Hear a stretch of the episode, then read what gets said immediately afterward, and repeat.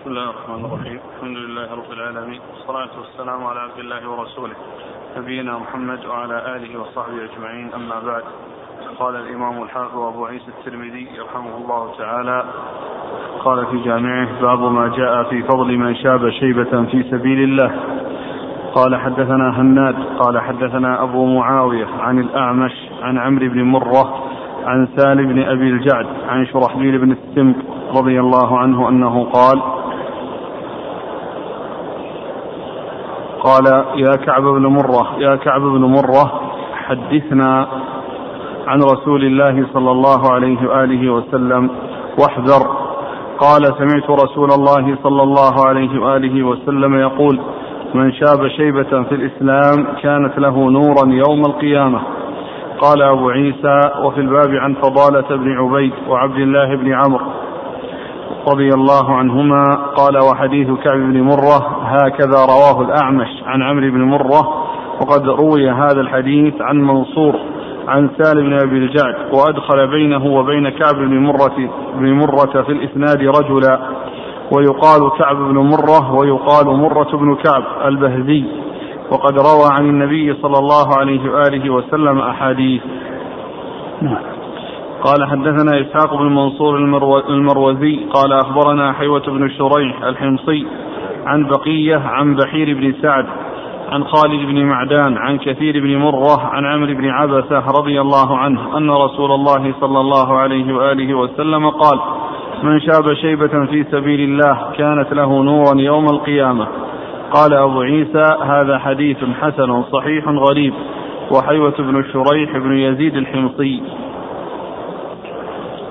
بسم الله الرحمن الرحيم. الحمد لله رب العالمين وصلى الله وسلم وبارك على عبده ورسوله نبينا محمد وعلى آله وأصحابه أجمعين. أما بعد فيقول الإمام أبو عيسى الترمذي رحمه الله في الجامعة باب من شاب شيبة في سبيل الله. باب ما جاء في فضل من شاب شيبة في سبيل باب ما جاء في فضل من شاب شيبة في سبيل الله. المقصود بذلك من حصل له الشيب في سبيل الله ويحتمل أن يكون ذلك وهو يجاهد في سبيل الله بأن يكون من المجاهدين المكثرين من الجهاد وأنه يحصل له الشيب وهو بهذا العمل الصالح. ويحتمل أن يكون ما هو أعم من ذلك وهو أنه شاب يعني شيبة في, في الإسلام و وكونه مستقيم على طاعة الله عز وجل. وتقدمت به السن وشاب وهو كذلك فإن هذا الشيب يكون له نورا يوم القيامة. و والمصنف أورده في كتاب الجهاد أو في باب السير الذي هي من أبواب الجهاد في فضل الجهاد أورد في كتاب فضائل الجهاد ل يعني ل من أجل قوله في سبيل الله من أجل قوله في سبيل الله. و ويحتمل أن يكون ذلك كذلك كما ذكره المصنف وأن المقصود أنه كان يجاهد في سبيل الله وكثير الغزو وكثير الجهاد وأنه شاب شاب وهو كذلك ويحتمل أن يكون ما هو أعم من ذلك وأنه شاب في الإسلام بمعنى أنه تقدمت في السن وهو ملتزم طاعة الله ورسوله صلى الله عليه وسلم فيكون من طال عمره وحسن عمله فيكون في ذلك يكون ذلك نورا له يوم القيامة. وقد جاء في الحديث عن النبي صلى الله عليه وسلم أنه قال رأس الأمر الإسلام وعموده الصلاة وذروة سلامه الجهاد في سبيل الله. وذروة سلام الإسلام الجهاد في سبيل الله.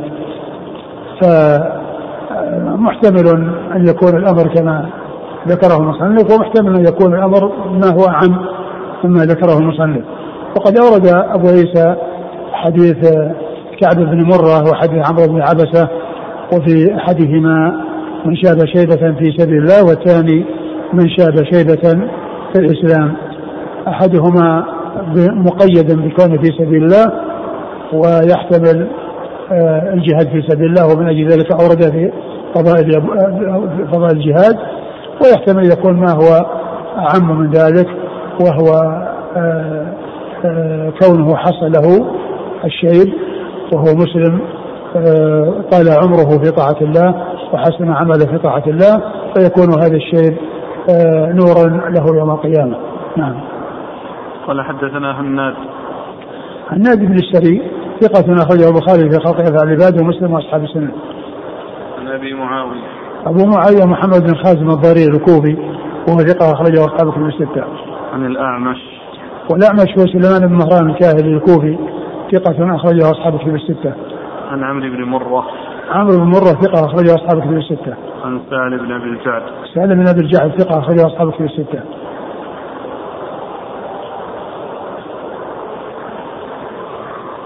عن شرحبيل بن السم. شرحبيل شرحبيل بن السم يعني له صحبة وفادة أخرج له مسلم وأصحاب السنن. نعم. عن كعب بن مرة. عن كعب كعب كعب بن مرة أخرج له أصحاب السنن. أصحاب السنن نعم. قال وفي الباب عن فضائل الحمد لله. الله نعم. فضاله بن عبيد. من؟ وفي الباب عن فضاله بن فضاله بن عبيد أخرجه أصحاب الكتب الستة. صاحب المفرد ومسلم وأصحاب السنن. الأدب المفرد ومسلم وأصحاب السنن. وعبد الله بن عمرو. عبد الله بن عمرو العاص رضي الله عنهما أحد العبادلة وأحد المكثرين وقد أخرج حديث أصحاب الكتب الستة. الله. وقد روي هذا الحديث عن منصور عن سالم بن أبي الجعد. منصور المعتمر ثقة أخرجه أصحاب أصحاب الكتب الستة. قال حدثنا إسحاق بن منصور المروزي. إسحاق بن منصور المروزي هو الكوسج وثقة أخرج أصحاب الكتب الستة إلا أبا داود. عن حيوة بن شريح. حيوة بن شريح الحمصي وهو ثقة أخرج له. البخاري وأبو داود والترمذي وابن ماجه. نعم. عن بقية. بقية بن الوليد.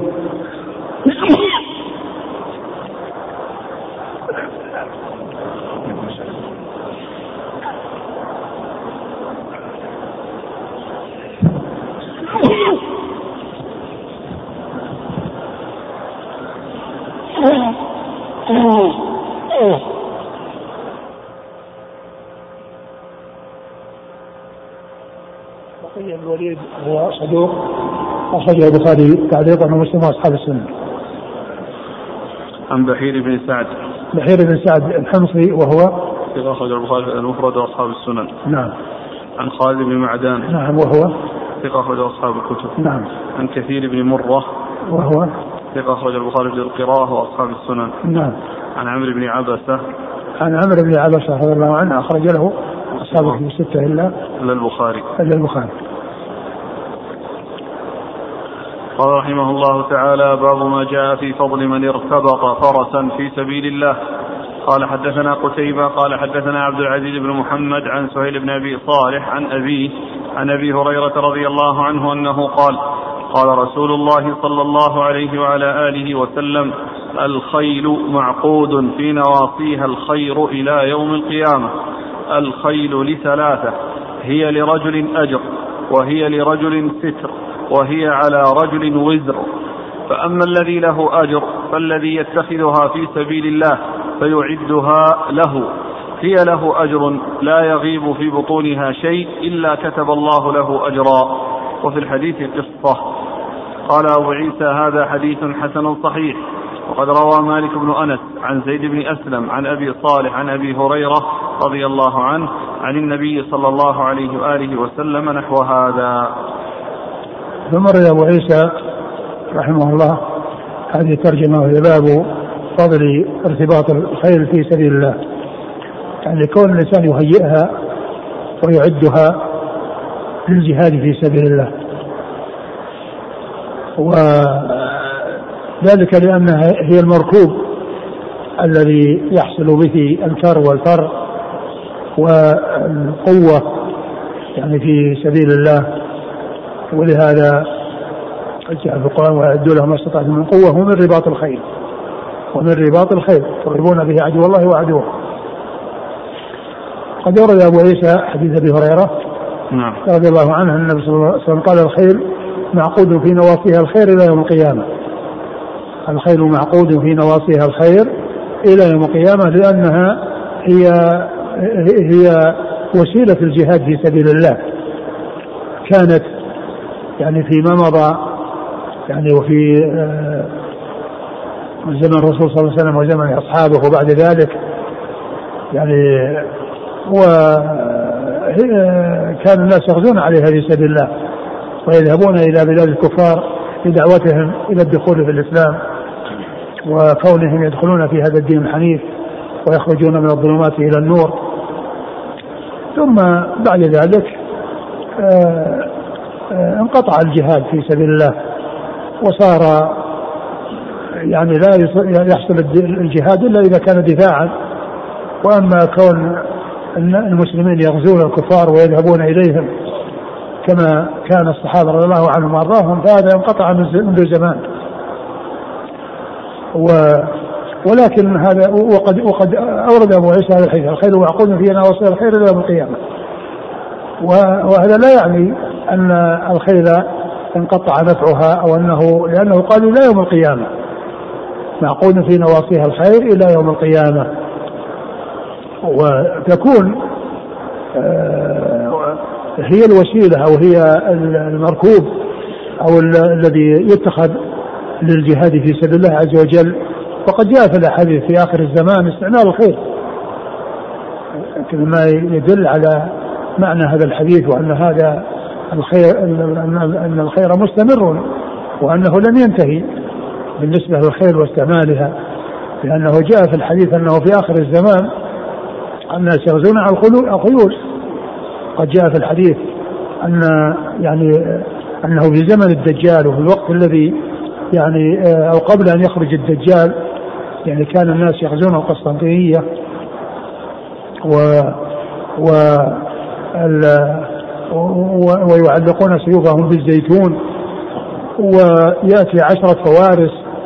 يقول الرسول صلى الله عليه وسلم إني لا أعرف أسماءهم وأسماء آبائهم وألوان خيولهم. يعني فيقال ان الدجال خلفكم في أهليكم. فيكون كذبا ثم بعد ذلك يكون يعني آه، صحيحا. الحاصل أن استعمال الخيل يعني جاء ما يدل عليه في آخر الزمان. وهذا يبين معنى قوله صلى الله عليه وسلم الخير معقود في نواصيها الخير إلى يوم القيامة. ثم بين عليه الصلاة والسلام أن الخيل لثلاثة فهي لرجل أجر ولرجل ستر ولرجل وزر. والذي هو هي له أجر هو محل الشاهد وهو الذي آه، هيأها في سبيل الله وارتبطها وأعدها للجهاد في سبيل الله. فما يدخل في بطونها يعني من طعام وشراب إلا ويكتب له به أجر. ويكتب له فيه أجر. والذي عليه وزر والذي عليه ستر هو الذي استعملها لأموره ولحاجاته والانتفاع بها والذي عليه وزر الذي ربطها رياء وتكبرا ويعني مراءة فهذا هو الذي تكون عليه وزر. ومحل الشاهد من الحديث هو الأول القسم الأول الذي هيأها في سبيل الله وارتبطها في سبيل الله تهيئة وإعدادا للجهاد في أي لحظة يحتاج إليها فإنها يقدمها للجهاد في سبيل الله. نعم. قال حدثنا قتيبة. قتيبة ابن سعيد ثقة أخرجه أصحاب كتب الستة.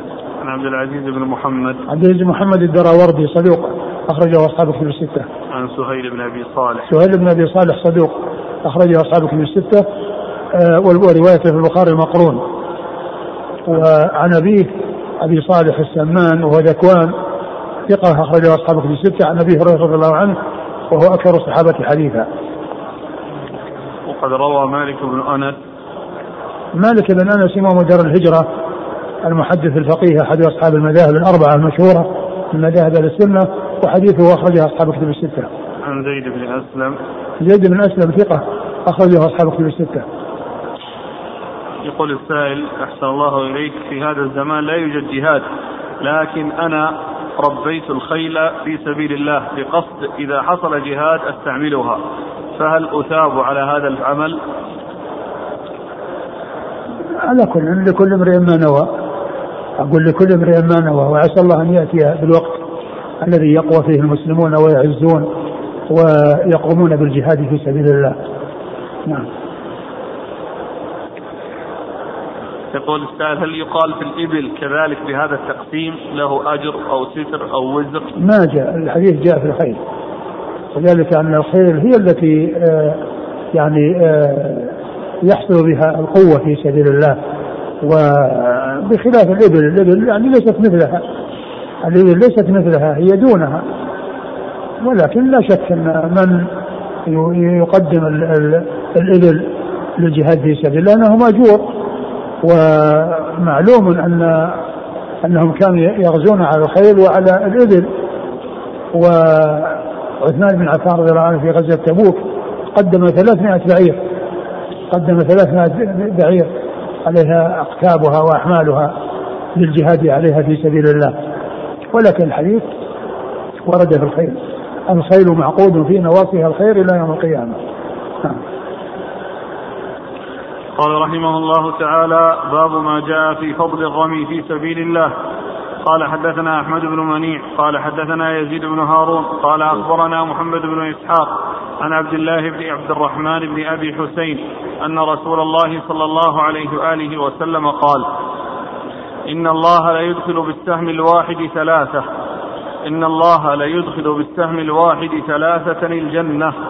صانعه يحتسب في صنعته الخير. والرامي به والممد به وقال ارموا واركبوا ولأن ترموا أحب إلي من أن تركبوا كل ما يلهو به الرجل المسلم باطل إلا رميه بقوسه وتأديبه فرسه وملاعبته أهله فإنهن من الحق قال حدثنا أحمد بن منيع قال حدثنا يزيد بن هارون قال أخبرنا هشام الدستوائي عن يحيى بن أبي كثير عن أبي سلام عن عبد الله بن الأزرق عن عقبة بن عامر الجهني رضي الله عنه عن النبي صلى الله عليه وآله وسلم مثله. قال أبو عيسى وفي الباب عن كعب بن مرة وعمر بن عبسة وعبد الله بن عمرو رضي الله عنهم وهذا حديث حسن صحيح.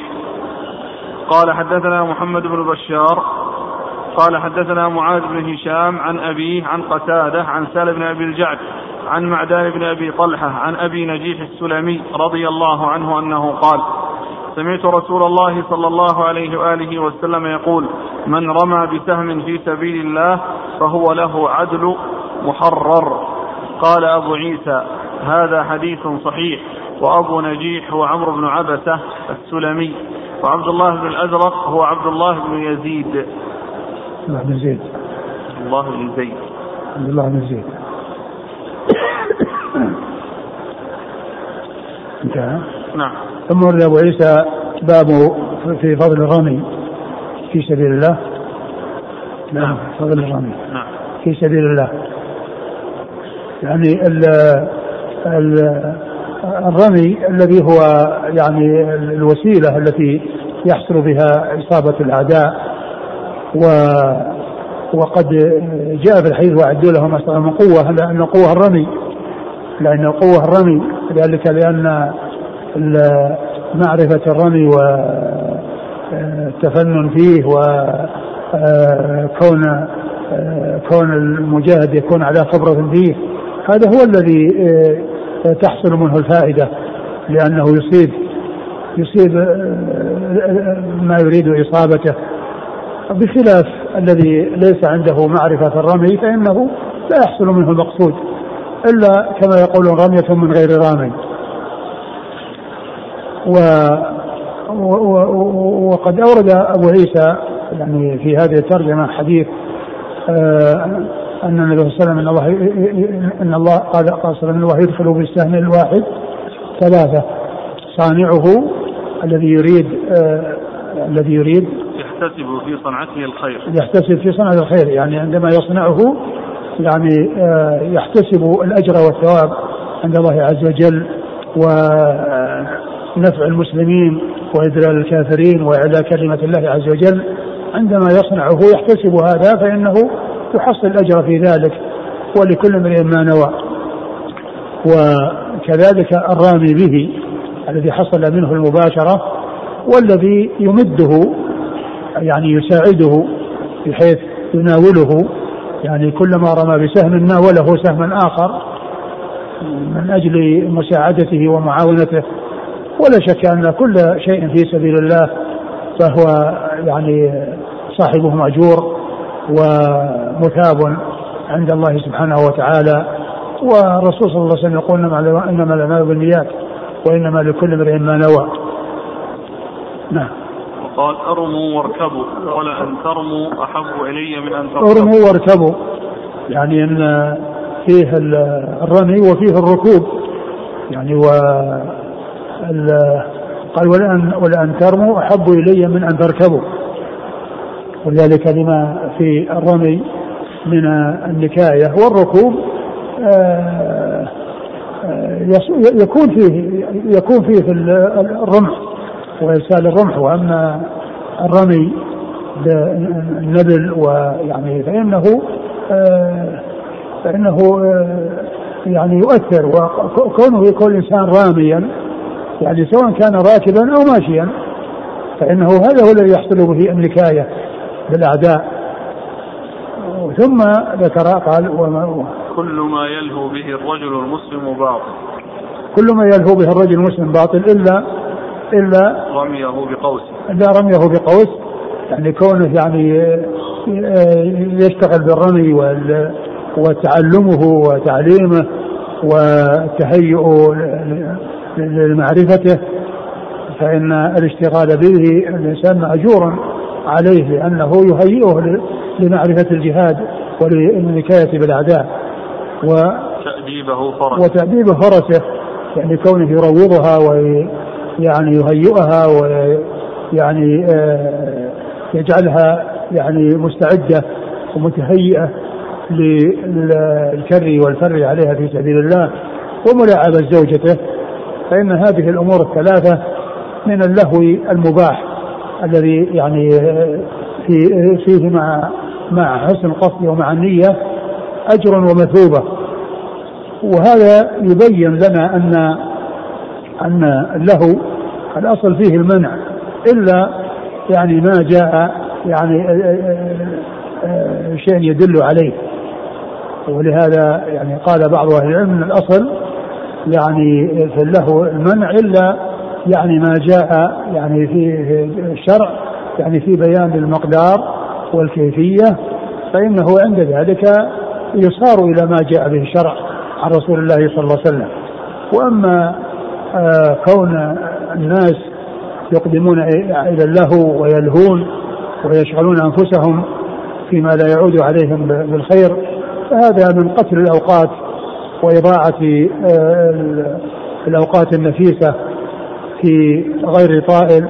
والنبي صلى الله عليه وسلم قال كما في حديث ابن عباس الذي رواه البخاري في صحيحه وهو أول حديث عنده في كتاب الرقاق قال عليه الصلاة والسلام نعمتان مغبون فيهما كثير من الناس. الصحة والفراغ. نعمتان مغبون فيهما كثير من الناس. الصحة والفراغ. فمن الناس من يستعمل صحته وعافيته وسمعه وبصره وقوة جسده آه، في آه، غير فيما يعود عليه بالمضرة. أو على الأقل فيما لا يعود فيما لا فائدة فيه. يعني بحيث يكون لا له ولا عليه. والأصل أن الإنسان يستعمل هذه القوة وهذه القدرة فيما يعود عليه بالخير في الدنيا والآخرة. وكذلك الفراغ الذي هو الوقت شغله وعمارته في الخير وفيما يعود على الإنسان بالخير والنفع ويعود على المسلمين. لا شك أن هذا هو المطلوب. وإذا كان بخلاف ذلك فإنه مغبون ولهذا قال عليه الصلاة والسلام نعمتان مغبون فيهما كثير من الناس. لأن فيه رابح وفيه مغبون فالذي استعمل استعملهما في ما يعود عليه بالخير هذا رابح والذي آه لم يستعملهما في ذلك فإنه حصل له الغبن وحصل له الخسران. نعمتان مغبون فيهما كثير من الناس الصحة والفراغ. نعم. قال حدثنا أحمد بن منيع. أحمد بن منيع ثقة أخرج أصحاب في الستة. عن يزيد بن هارون. يزيد بن هارون ثقة أخرج أصحاب في الستة. عن محمد بن إسحاق. محمد بن إسحاق صدوق آه، أخرجه البخاري تعليقا ومسلم وأصحاب السنن عن عبد الله بن عبد الرحمن بن أبي حسين. وهو؟ ثقة أخرج أصحاب الكتب. ثقة أخرج أصحاب الكتب الستة. وهذا مرسل. نعم. ولكن الحديث الذي بعده متصل. نعم. قال حدثنا أحمد بن منيع عن يزيد بن هارون عن هشام الدستوائي. هشام الدستوائي ثقة أخرجه أصحاب الكتب الستة. عن يحيى بن أبي كثير. يحيى بن أبي كثير اليماني ثقة اخرج أصحاب الكتب الستة. عن أبي سلام. عن أبي سلام وهو منطور أخرج له. صاحب المفرد ومسلم وأصحاب السنن هو ثقة؟ نعم. نعم. عن عبد الله بن الأزرق. عن عبد الله بن زيد الأزرق وهو؟ مقبول وجاء الترمذي وابن ماجه. نعم. عن عقبة بن عامر. عقبة بن عامر الجهني رضي الله عنه أخرجه أصحاب الكتب الستة. قال وفي الباب عن كعب بن مرة وعمرو بن عبسه وعبد الله بن عمرو. نعم. اذا هنا آه، قوله البطلان كل ما يلهو به الرجل المسلم باطل نعم. بطلان يعني حرام أو أنه عبث لا فائدة فيه. هو لا شك إن كونه يعني لا فائدة فيه بل قد يعود عليه المضرة هذا هو هذا هو الأصل فيه. فهو يعني شغل الأوقات في اللهو وفي اللعب. لا شك إن الإنسان يعني ما يكون ربح يعني في هذا وإنما يكون يعني مغبونا. مغبون يعني الصالح صلى يعني معناه إنه ما ربح ما حصل له ما حصل له غنيمة. يعني أقل أحواله أن يكون لا له ولا عليه. هل يقال إنه يأثم؟ باطل حرام؟ والله لا, لا, لا شك إن الإنسان الذي يشغل أوقاته في اللهو واللعب لا سيما إذا كان في أمور ضاره لا شك أنه يأثم وإذا كان في أمور ضاره وكله ضيع وقته يعني في غير طائل لا شك أن هذا آه، خسارة عليه وليس ربحا حيث جاءت أسئلة كثيرة عن الألعاب المنتشرة اليوم بين الناس وأشهرها كرة القدم. هل هذا يعتبر الآن من اللهو المحرم؟ والله لا شك الافتتان بها مثل ما هو موجود في هذا الزمان بحيث الناس يفتنون بها وتكون يعني هي شغلهم الشاغل. وأيضا ما يترتب عليها من منافسات سيئة وما يحصل من ذلك من إزعاج. وحتى الذين لم يشتغلوا بهذا اللهو ينقسمون يعني مع هؤلاء اللاعبين. فهذا يشجع هذا وهذا يشجع هذا وإذا حصل إن, إن هذا انهزم مع أن المهزوم هو الحقيقة الذي أحسن من المنتصر. يعني من المهزوم يعني أحسن حالا من المنتصر. تجد يعني يكون في شيء من السفه في السيارات وفي إزعاج الناس. يعني كل هذا من التفاهات التي يعني تدل على ضياع كثير من المسلمين الحديث الثاني عن أبي نجيح السلمي قال سمعت الرسول صلى الله عليه وسلم يقول من رمى بسهم في سبيل الله فهو له عدل عدل محرر. وهذا يدل على فضل الرمي في سبيل الله وأن له عدل محرر يعني عبد يعني اعتاق عبد يعني يعني يعادل عتق رقبة. نعم. قال حدثنا محمد بن بشار محمد بن بشار ملقب بن دار ثقة أخرجه أصحاب الكتب الستة. عن معاذ بن هشام. معاذ بن هشام صدوق أخرجه أصحاب الكتب الستة. عن أبيه عن قتادة. قتادة بن دعامة السدوسي البصري ثقة أخرجه أصحاب الكتب الستة. عن سالم بن أبي الجعد. نعم. عن معدان بن أبي طلحة. معدان بن أبي طلحة هو ثقة أخرجه مسلم وأصحاب السنن. نعم. عن أبي نجيح السلمي. أبو نجيح السلمي كنية عمرو بن عبسة الذي تقدم قد أخرجه أصحاب الكتب الستة إلا البخاري.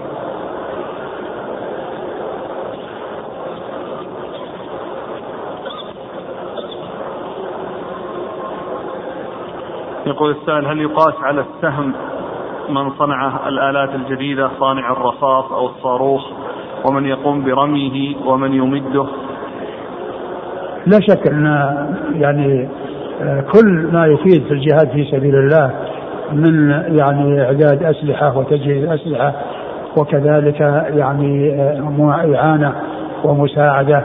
كل هذا لا شك أن أنه آه، مما يكون فيه الأجر والثواب لمن حصل منه ذلك.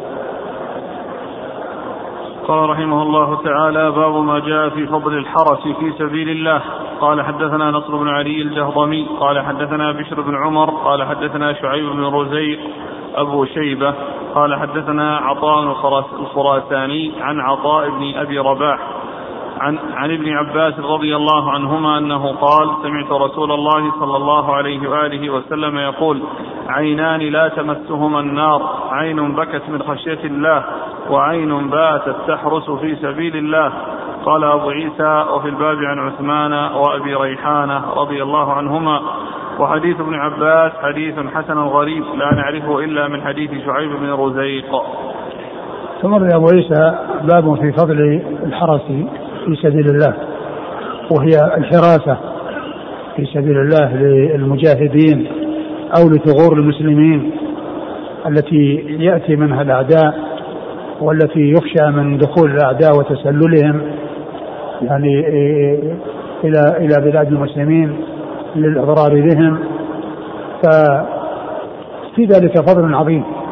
وقد أورد أبو عيسى حديث ابن عباس رضي الله عنه عنهما قال عينان لا تمسهما النار عين بكت من خشية الله وعين باتت باتت تحرس في سبيل الله.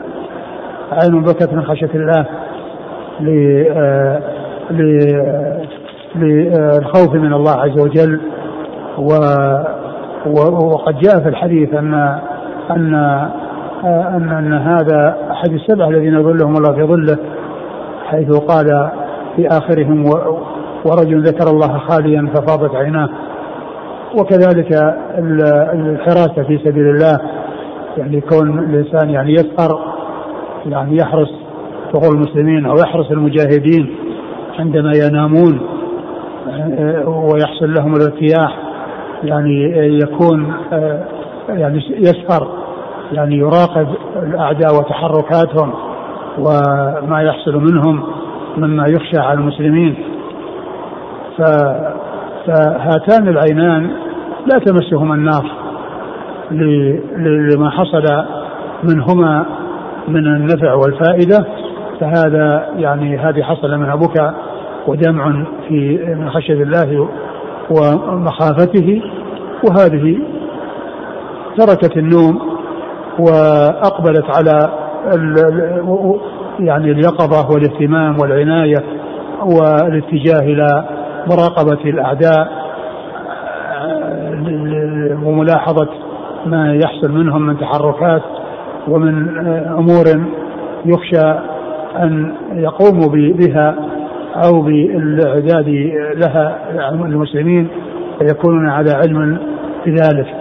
وفي هذا أيضا دليل على أن الذي يحرس في سبيل الله عليه أن يحذر من أن يعني يحصل له الكسل وأن يقصر في واجبه وأن يحصل له النوم أو أن ينام ثم يهمل الناس ويهمل الحراسة فيحصل الضرر على المسلمين لأنه قال وعين باتت تحرص في سبيل الله. والإنسان إذا تساهل في هذا ونام ما يعتبر يعني قام بواجبه ولا حصلت منه الحراسة في سبيل الله لأن بل حصل منه الأسباب التي الناس جعلوه آه، آه، يراقب الأعداء ويعني أملوا فيه أنه يقوم بهذه المهمة ثم بعد ذلك هو يكون بخلاف ذلك فيترتب عليهم الضرر بأن يكونوا هم ناموا ثم هو ينام معهم فيهجم الأعداء عليهم وينقضون عليهم ويحصل ويحصل منهم النكاية بالمسلمين وإلحاق الضرر بهم. نعم.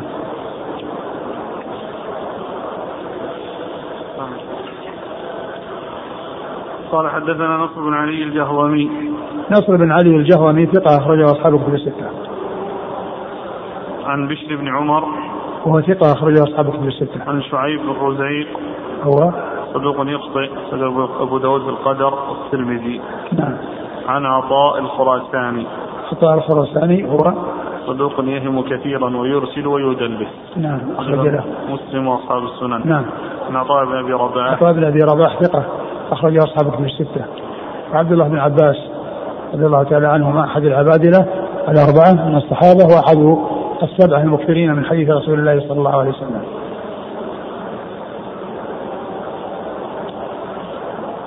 قال وفي الباب عن عثمان. عثمان بن عفان أمير المؤمنين وثالث الخلفاء الراشدين الهاديين المهديين صاحب المناقب الجمة والفضائل الكثيرة وحديثه عند أصحاب الكتب الستة. وأبي ريحانة. وأبو ريحانة أخرج له. أبو داود والنسائي بن ماجه. نعم.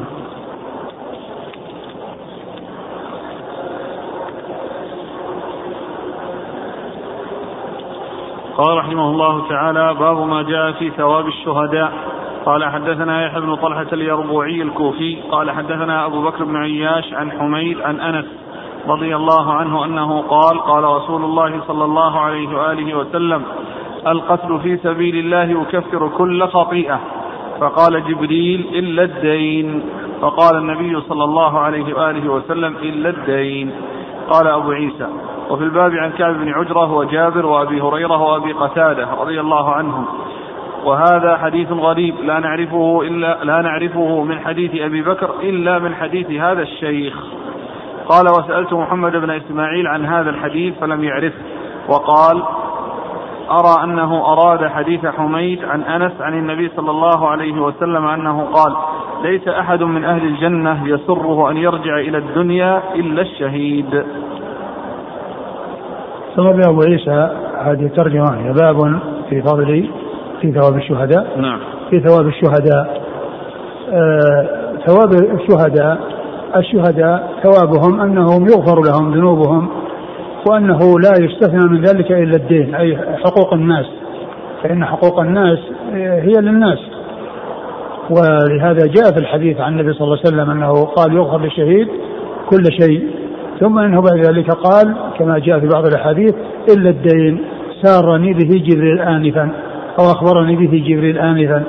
يعني أن الاستثناء أن اللفظ العام حصل فيه استثناء وأن جبريل جاء بهذا الاستثناء وهو الدين وحقوق الناس التي آه، هي مبنية على المشاحة. حقوق الناس مبنية على المشاحة وحقوق الله مبنية على المسامحة. ولهذا فإن حقوق الناس على الإنسان يحرص على التخلص منها وعدم التهاون بشأنها لأنه إذا لم يحصلها لم تحصل في الدنيا تحصل في الآخرة كما جاء في حديث أتدرون من المفلس؟ قالوا يا رسول الله المفلس من لا درهم عنده ولا متاع. فهموا أنه أنه يريد مفلس الدنيا.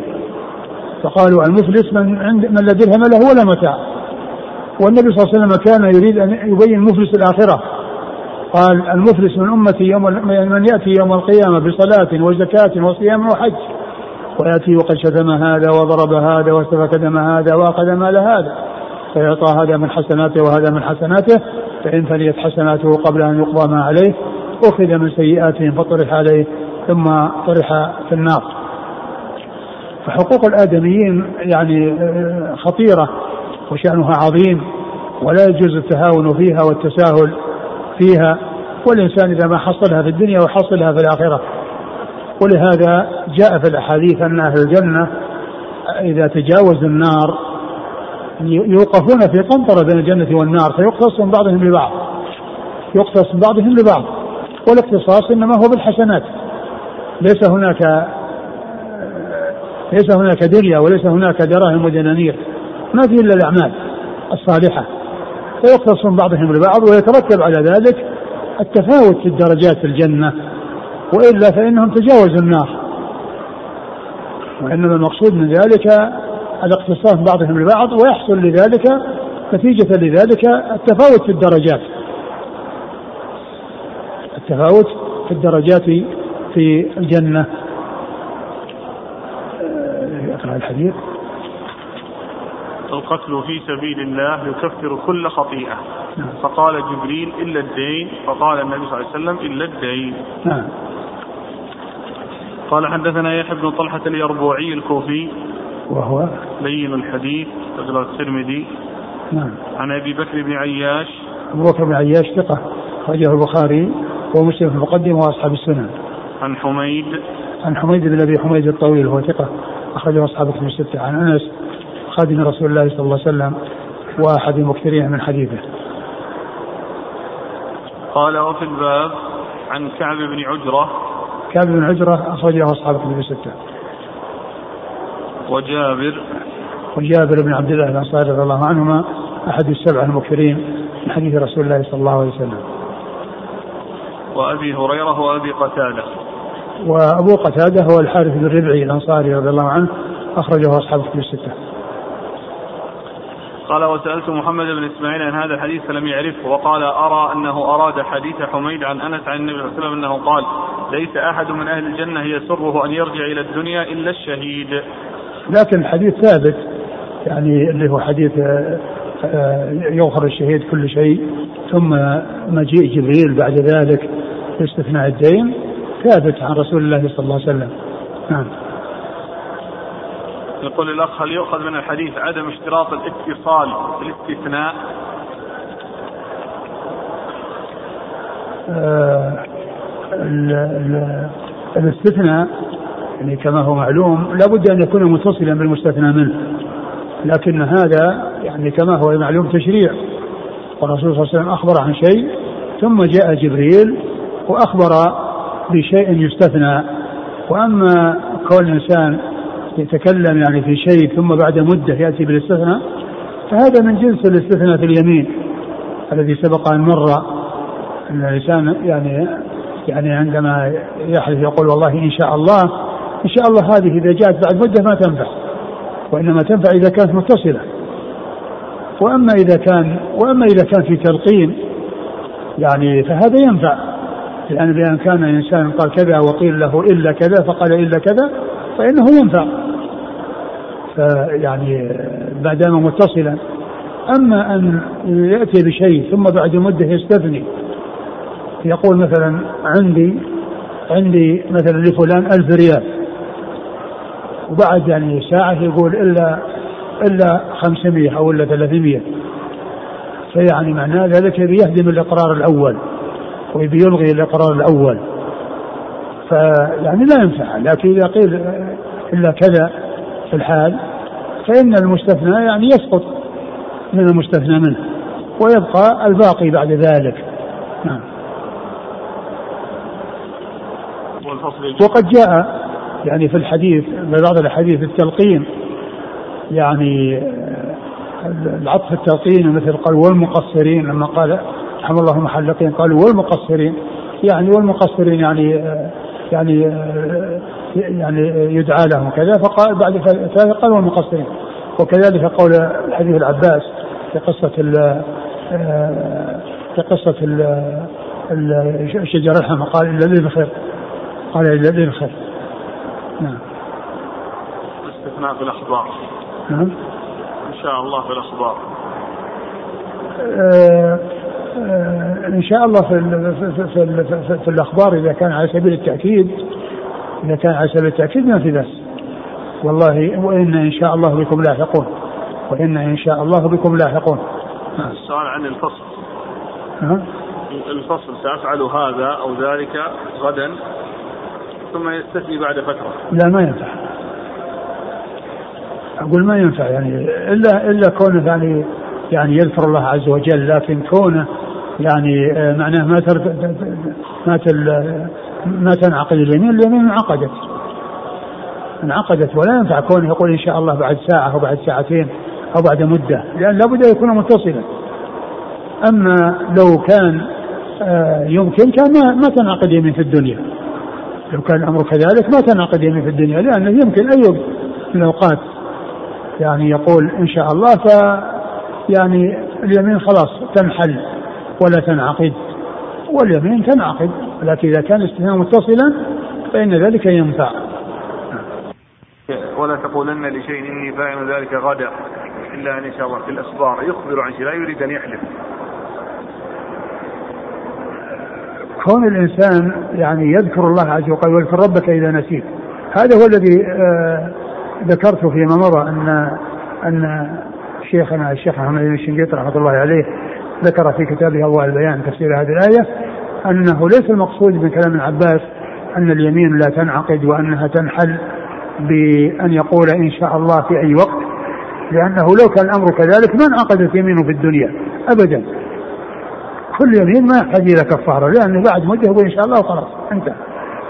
لكن قال المقصود من ذلك أنه يعني يضيف الأمر إلى الله عز وجل وأنه يعني آه يقول سأفعل آه يعني كذا فيقول إن شاء الله يعني يضيف الأمر إلى الله عز وجل وأنه إذا تذكر يعني يعيد الكلام ويقول كذا لكن فيما يتعلق بال بالأيمان وما إلى ذلك لا يقال أن هذا الاستثناء أنه ينفع بعد مدة إذا لم يكن متصلا.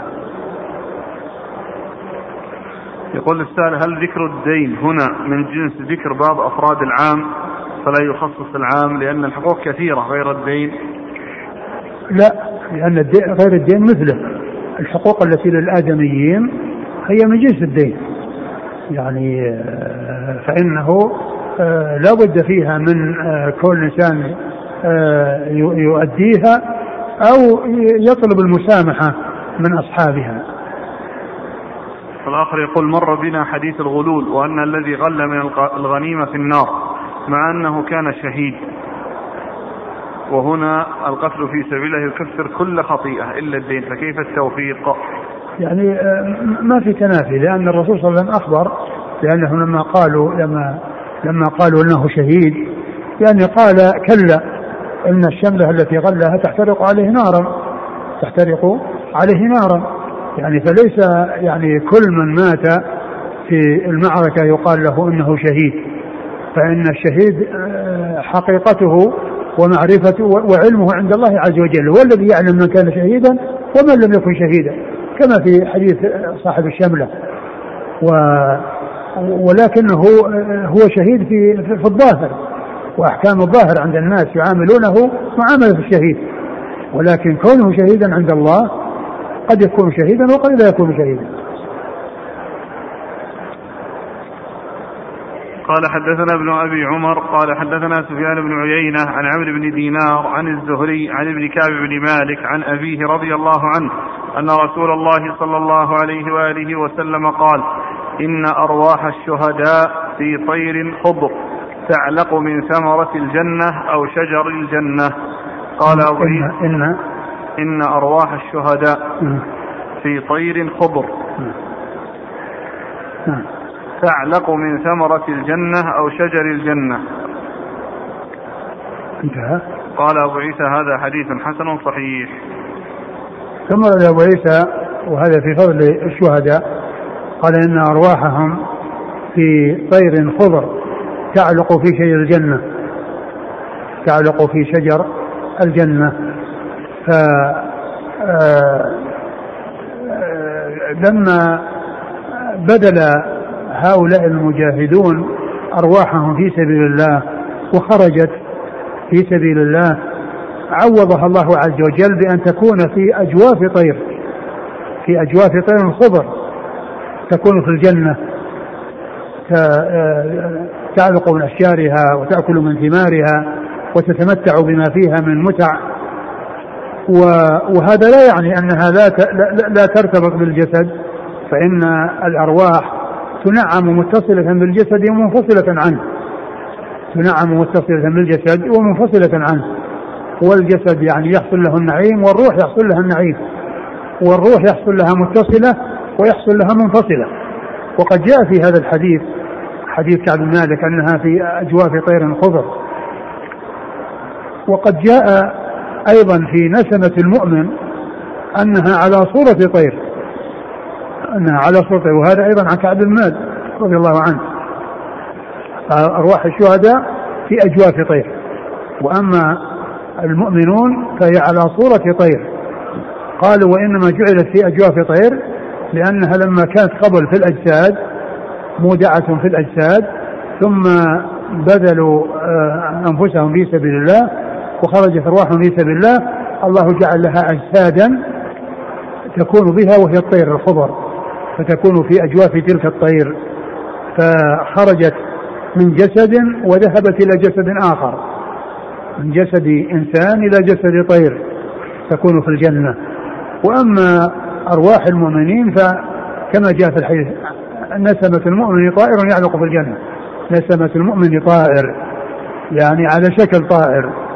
وهذا الحديث الذي هو نسمة المؤمن على على على على يعني أنها طائر في الجنة رواه الإمام أحمد في مسنده وهو من روايته عن شيخه الشافعي والشافعي يرويه عن شيخ الإمام مالك فهو حديث فيه ثلاثة من أصحاب المذاهب الأربعة من أهل السنة يروي بعضهم عن بعض.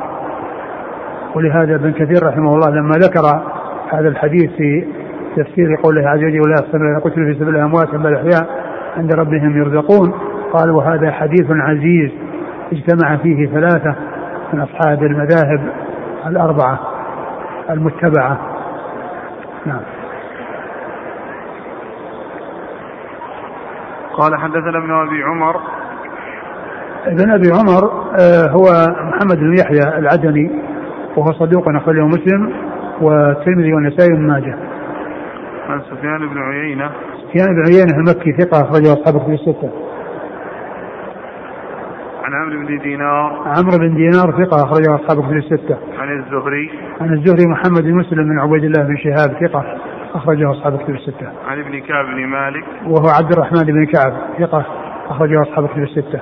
عن أبي عن أبيه كعب بن مالك رضي الله عنه أخرجه أصحاب الكتب الستة.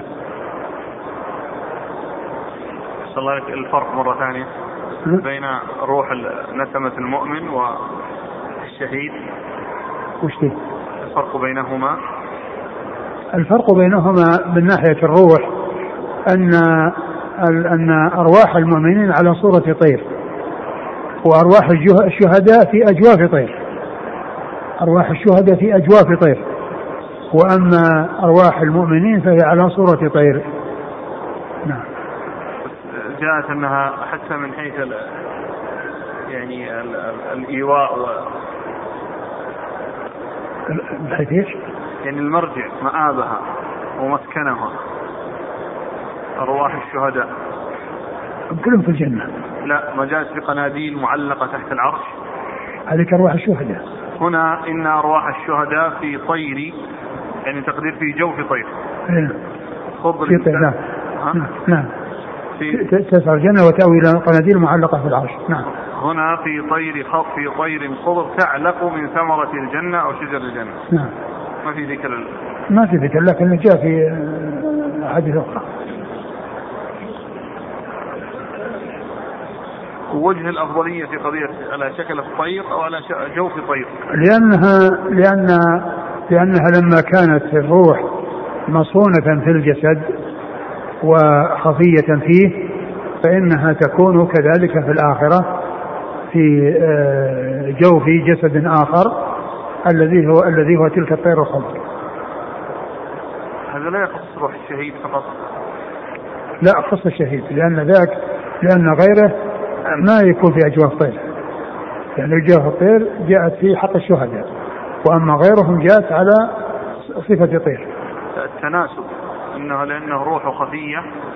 كانت هكذا. في جسد هذا يعني قيل قيل هذا أنه لما كان أرواحهم آه، يعني في أجسادهم وقد خرجت من أجسادهم في سبيل الله فإن الله ابدل أبدلها بأن تكون في أجساد أخرى في الجنة وهي أجساد تلك الطير. قال حدثنا محمد بن بشار قال حدثنا عثمان بن عمر قال أخبرنا علي بن المبارك عن يحيى بن أبي كثير عن عامر العقيلي عن أبيه عن أبي هريرة رضي الله عنه أن رسول الله صلى الله عليه وآله وسلم قال عرض علي أول ثلاثة يدخلون الجنة شهيد وعفيف متعفف وعبد أحسن عبادة الله ونصح لمواليه. قال أبو عيسى هذا حديث حسن.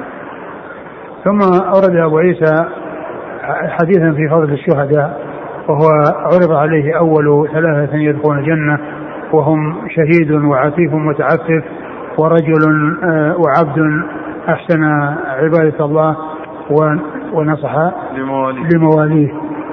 فيعني هؤلاء من أول من يدخل الجنة آه، الشهيد الذي قتل في سبيل الله والعفيف المتعفف يعني العفيف الذي عنده العفة وعنده آه، الابتعاد عن عن أخذ أموال الناس بالباطل أو التطلع إلى حصول أشياء من غير محلها و- وإنما آه، يكون عنده الاستعفاف والعفة ولا يشغل نفسه في يعني في تحصيل الدنيا بأي طريق كانت. نعم. وكذلك العبد الذي آه، هو مملوك فعبد الله عز وجل وأحسن عبادته ونصح لمواليه في في الحقوق التي لهم عليه وهي خدمتهم والقيام بالشيء الذي يكلفونه به ويريدونه منه. نعم. قال حدثنا محمد بن بشار عن عثمان بن عمر. عثمان بن عمر آه ثقة أخرج أصحاب الكتب. نعم. عن علي بن مبارك. علي بن مبارك هو. ثقة أخرج أصحاب الكتب. نعم. عن يحيى بن أبي كثير. نعم. ثقة أخرج أصحاب الكتب. نعم. عن عامر العقيلي. عن عامر هو مقبول. أخرجه الترمذي. وأبوه مقبول أخرجه الترمذي. أخرجه الترمذي. نعم. عن أبي هريرة. نعم. قال حدثنا علي بن حجر قال أخبرنا إسماعيل بن جعفر عن حميد عن أنس رضي الله عنه عن النبي صلى الله عليه وآله وسلم أنه قال: ما من عبد يموت له عند الله خير يحب أن يرجع إلى الدنيا وأن له الدنيا وما فيها إلا الشهيد. لما يرى من فضل الشهادة فإنه يحب أن يرجع إلى الدنيا فيقتل مرة أخرى. قال أبو عيسى هذا حديث حسن صحيح. قال ابن أبي عمر قال سفيان بن عيينة كان عمرو بن دينار أسن من الزهري. ثم أورد أبو عيسى هذا الحديث عن أنس رضي الله عنه أن كل إنسان آه، يعني يدخل الجنة ويحصل ما يحصل فيها من النعيم ما يتمنى أن يرجع إلى الدنيا وأن يعود إلى الدنيا إلا الشهيد. فإنه يتمنى أن يعود إلى الدنيا ويقتل مرة ثانية لما يرى من عظم أجر الشهادة وثواب الشهادة فهو يريد أن يرجع إلى الدنيا ليقتل مرة أخرى يعني لما يراه من عظم شأن الشهادة وأجر الشهادة عند الله عز وجل. آآ آآ لأن مقصود من ذلك الاستزادة الاستزادة يعني من هذا النعيم. والتمكن من هذا النعيم الذي حصل آه، آه، له في الدار الآخرة. فإن كل من دخل الجنة لا يحصل له أن يفكر بأن يرجع. وأما هذا فإنه لعظم شأن الشهادة يتمنى أن يرجع حتى يقتل مرة أخرى. نعم.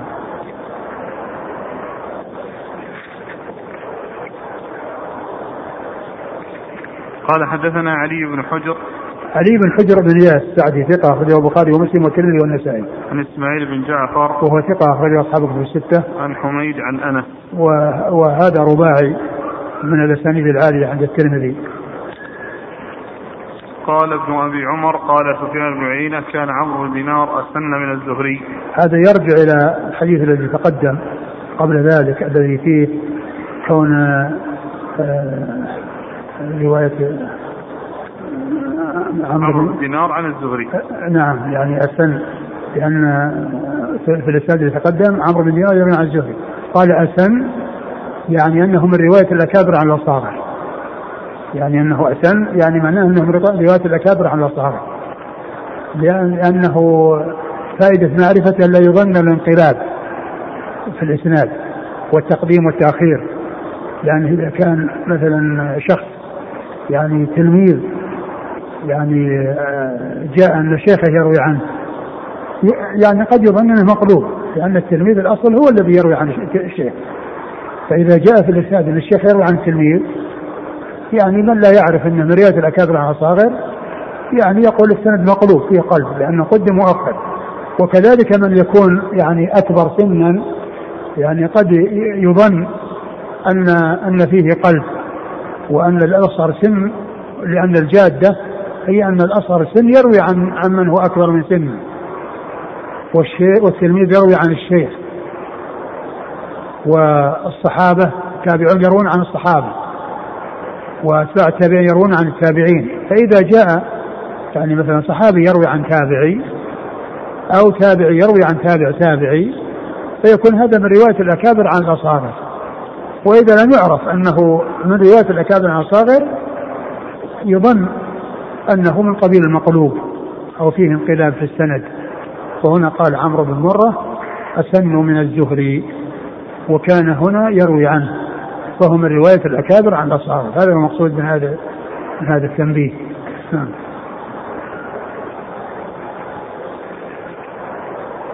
قال رحمه الله تعالى باب ما جاء في فضل الشهداء عند الله.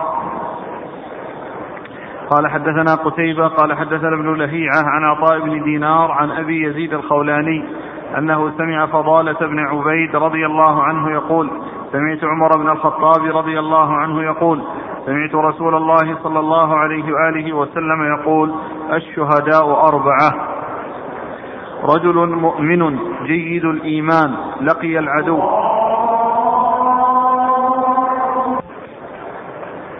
نعم هذه الأولى. قال صلى الله عليه وسلم قال حدثنا قتيبة قال حدثنا ابن لهيعة عن عطاء بن دينار عن أبي يزيد الخولاني أنه سمع فضالة بن عبيد رضي الله عنه يقول سمعت عمر بن الخطاب رضي الله عنه يقول سمعت رسول الله صلى الله عليه وآله وسلم يقول الشهداء أربعة رجل مؤمن جيد الإيمان لقي العدو فصدق الله حتى قتل. فذلك الذي يرفع الناس إليه أعينهم يوم القيامة. هكذا ورفع رأسه حتى وقعت قلنسوته. قال فما أدري أقلنسوة عمر أراد أقلنسوة عمر أراد أم قلنسوة النبي صلى الله عليه وسلم؟ قال ورجل مؤمن جيد الإيمان لقي العدو فكأنما ضرب جلده بشوك طلح من الجبن. أتاه سهم غرب فقتله. فهو في الدرجة الثانية. ورجل مؤمن خلط عملا صالحا وآخر سيئا لقي العدو فصدق الله حتى قتل فذلك في الدرجة الثالثة. ورجل مؤمن أسرف على نفسه لقي العدو فصدق الله حتى قتل فذلك في الدرجة الرابعة. قال أبو عيسى هذا حديث حسن غريب لا نعرفه إلا من حديث عطاء بن دينار.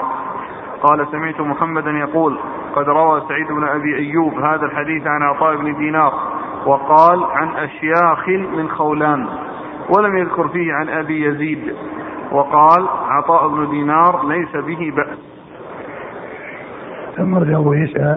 هذه الترجمة وهي باب في فضل الشهداء عند الله. في فضل الشهداء عند الله. آه، أو أفضل الشهداء عند الله.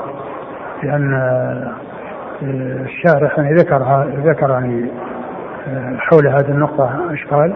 الشارح يعني ذكر شيء حول أن القضية أنها في الأفضلية. قال في بعض النسخ في أفضل الشهداء مكان في فضل الشهداء وهو الظاهر. أي نعم. يعني أنها أقرب لأنها لو كانت هذا كانت تتعلق بالترجمة السابقة ولكنه هنا جاء من بيان الأفضلية.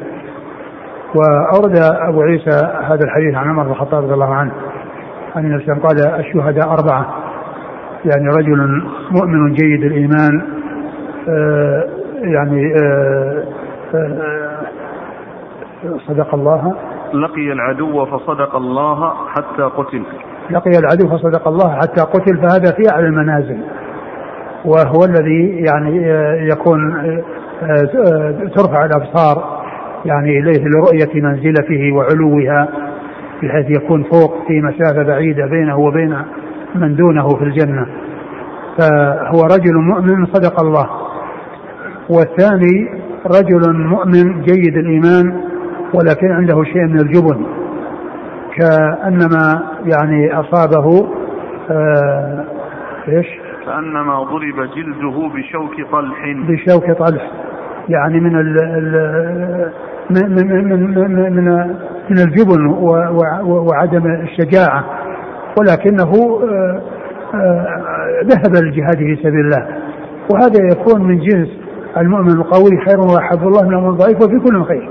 المؤمن القوي خير وأحب إلى الله من المؤمن الضعيف وفي كل خير. لأن كل ذهب للجهاد في سبيل الله إلا أن بعضهم شجاع وبعضهم عنده جبن وعنده حور وضعف وكل قتل فهو في سبيل الله ولكن هذا أعلى. الذي هو آه، المؤمن الجيد الإيمان الذي آه، صدق الله عز وجل وعنده الشجاعة والقوة. والثالث الذي خلط خلط خلط عملا صالحا وآخر سيئا. وآخر سيئا ولكنه صدق الله عز وجل في جهاده وهو في الدرجة الثالثة. واستشهد. والرابع الذي أسرف على نفسه ولكنه صدق الله في الجهاد فيعني استشهد فصار في الدرجة الرابعة. نعم. والحديث في إسناده ضعف. نعم. قال حدثنا قتيبة عن ابن لهيعة. ابن لهيعة عبد الله بن لهيعة وهو صدوق احترقت كتبه فاختلط ورواية من روى عنه قبل اختلاط معتبرة ومنهم قتيبة الذي يروي عنه في هذا الإسناد. وأخرج حديثه. مسلم وأبو داود الترمذي وابن ماجه. نعم. عن عطاء بن دينار. عطاء بن دينار هو؟ صدوق خرج القادم المفرد وأبو داود والترمذي. نعم. عن أبي يزيد الخولاني. أبو يزيد الخولاني هو؟ مجهول أخرجه نعم. الترمذي. مجهول أخرجه الترمذي. عن فضاله بن عبيد عن عمر بن الخطاب. نعم. قال سمعت محمدا يقول قد روى سعيد بن أبي أيوب هذا الحديث. سعيد بن أبي أيوب هو. ثقة أخرج أصحاب الكتب. نعم. عن عطاء بن دينار وقال عن أشياخ من خولان ولم يذكر فيه عن أبي يزيد. وقال عطاء بن دينار ليس به بأس. يعني أنها في في طريق أخرى ما ذكر أبو يزيد ولكنه ذكر أشياخ. يعني فيصير فيصير مبهم. يعني طريق فيها مبهم والطريقة الثانية فيها مجهول الذي سمي. بعد ذلك باب ما جاء في غزو البحر والله تعالى أعلم وصلى الله وسلم وبارك على نبينا ورسوله محمد وعلى آله وأصحابه أجمعين. جزاكم الله خيرا وبارك الله فيكم ونفعنا الله بما سمعنا غفر الله لنا ولكم وللمسلمين أجمعين. آمين. يقول هل العينان فقط لا تمسهما النار أم الجسد كله لا تمسه يعني النار؟ كل الجسد أبو كل الجسد ولكن يعني في كون العين هي التي حصل منها حصل منها يعني التأثر فيما يتعلق بالبكاء من خشية الله وأيضا العين التي في الحراسة يعني تركت النوم وأقبلت على العمل الذي أنيط بها تراقب الأعداء وتحركاتهم. والمجاهدون مرتاحون نائمون فكان يعني هذا الثواب وهذا الأجر هو للجسد كله ولكن بسبب العين. هذا يقول أحسن الله إليكم. هناك من يأخذ الشباب للتدريب على الأسلحة في البر بحجة أن الجهاد قادم وأنه لا بد منه. فما توجيهكم حفظكم الله. هذا يمكن أن يكون عن طريق الدولة. ما يكون عن طريق يعني أناس قد يعني يكون عندهم اتجاهات سيئة وقد يكونون من المفسدين في الأرض أو يعلمونهم ويرونهم على الإفساد في الأرض. هذه ورقة أرسل فيها الأخ قصة آه، عبد الله بن مبارك ورسالته إلى الفضيل بن عياض. هل هي صحيحة ثم بالتالي نقرأ. يقول ذكرها ابن كثير رحمه الله تعالى عند آخر آية من سورة آل عمران يا أيها الذين آمنوا اصبروا وصابروا ورابطوا واتقوا الله لعلكم تفلحون. روى الحافظ ابن عساكر في ترجمة عبد الله بن مبارك من طريق محمد بن إبراهيم بن أبي سكينة قال أملى علي عبد الله بن مبارك هذه الأبيات بطرسوس وودعته للخروج وأنشدها معي إلى الفضل بن عياض في سنة سبعين ومائة وفي رواية سنة سبع وسبعين ومائة قال يا عابد الحرمين لو أبصرتنا لعلمت أنك في العبادة تلعب. من كان يخضب خده بدموعه فنحورنا بدمائنا تتخضب.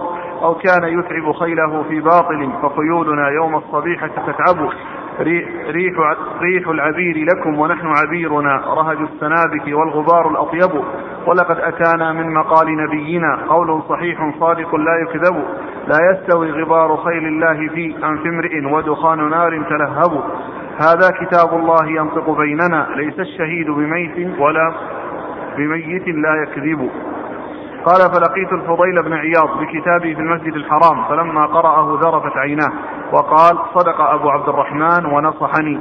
ثم قال أنت ممن يكتب الحديث قال قلت نعم. قال فاكتب هذا الحديث كراء حملك كتاب أبي عبد الرحمن إلينا وأملى علي الفضيل بن عياض. قال حدثنا المنصور بن معتمر عن أبي صالح عن أبي هريرة رضي الله عنه أن رجلا قال يا رسول الله علمني عملا أنال به ثواب المجاهدين في سبيل الله. فقال هل تستطيع أن تصلي فلا تفتر وتصوم فلا تفطر؟ فقال يا رسول الله أنا أضعف من أن أستطيع ذلك. ثم قال النبي صلى الله عليه وسلم والذي نفسي بيده لو طوقت ذلك ما بلغت المجاهدين في سبيل الله. أو ما أو ما علمت أو ما علمت أن الفرس المجاهد أو فرس المجاهد لا يستن في طوله فيكتب له بذلك الحسنات. أخرجه البخاري في كتاب الجهاد من صحيحه. والطول الحبل الذي يشد به الدابة ويمسك طرفه ويرسل في المرعى. ختم ابن كثير سورة آل عمران بهذا الأثر ثم قال انتهى تفسير سورة آل عمران. ولله الحمد والمنة نسأله الموت على الكتاب والسنة. آمين. رحمه الله. ما أدري عن صحة قضية قصة ابن المبارك وإنشاد هذه الأبيات هل هي ثابتة أو ثابتة؟ لا أدري. لكن هذا يعني يرجع هو ذكره في الإسناد إيش؟ إلى ابن عساكر نعم. قال ابن أبي قال ابن عساكر في رواها في, في ترجمة عبد الله المبارك من طريق محمد بن إبراهيم بن أبي سكينة. قال أملى علي عبد الله المبارك هذه الأبيات. ما أدري عن الإسناد عند ابن عساكر. وش هو؟ وابن عساكر. يفيد بأن الشيخ مقبل قد تكلم عليها في تحقيقه لابن كثير المطبوع منه. وضعفها يقول. أنا ما أدري عنها لأن وابن عساكر يعني كتابه وتاريخه. يعني هو مظنة الأحاديث الضعيفة. أقول هو من مظنة الأحاديث الضعيفة. جزاكم الله خيرا. سبحانك اللهم وبحمدك أشهد أن لا إله إلا أنت.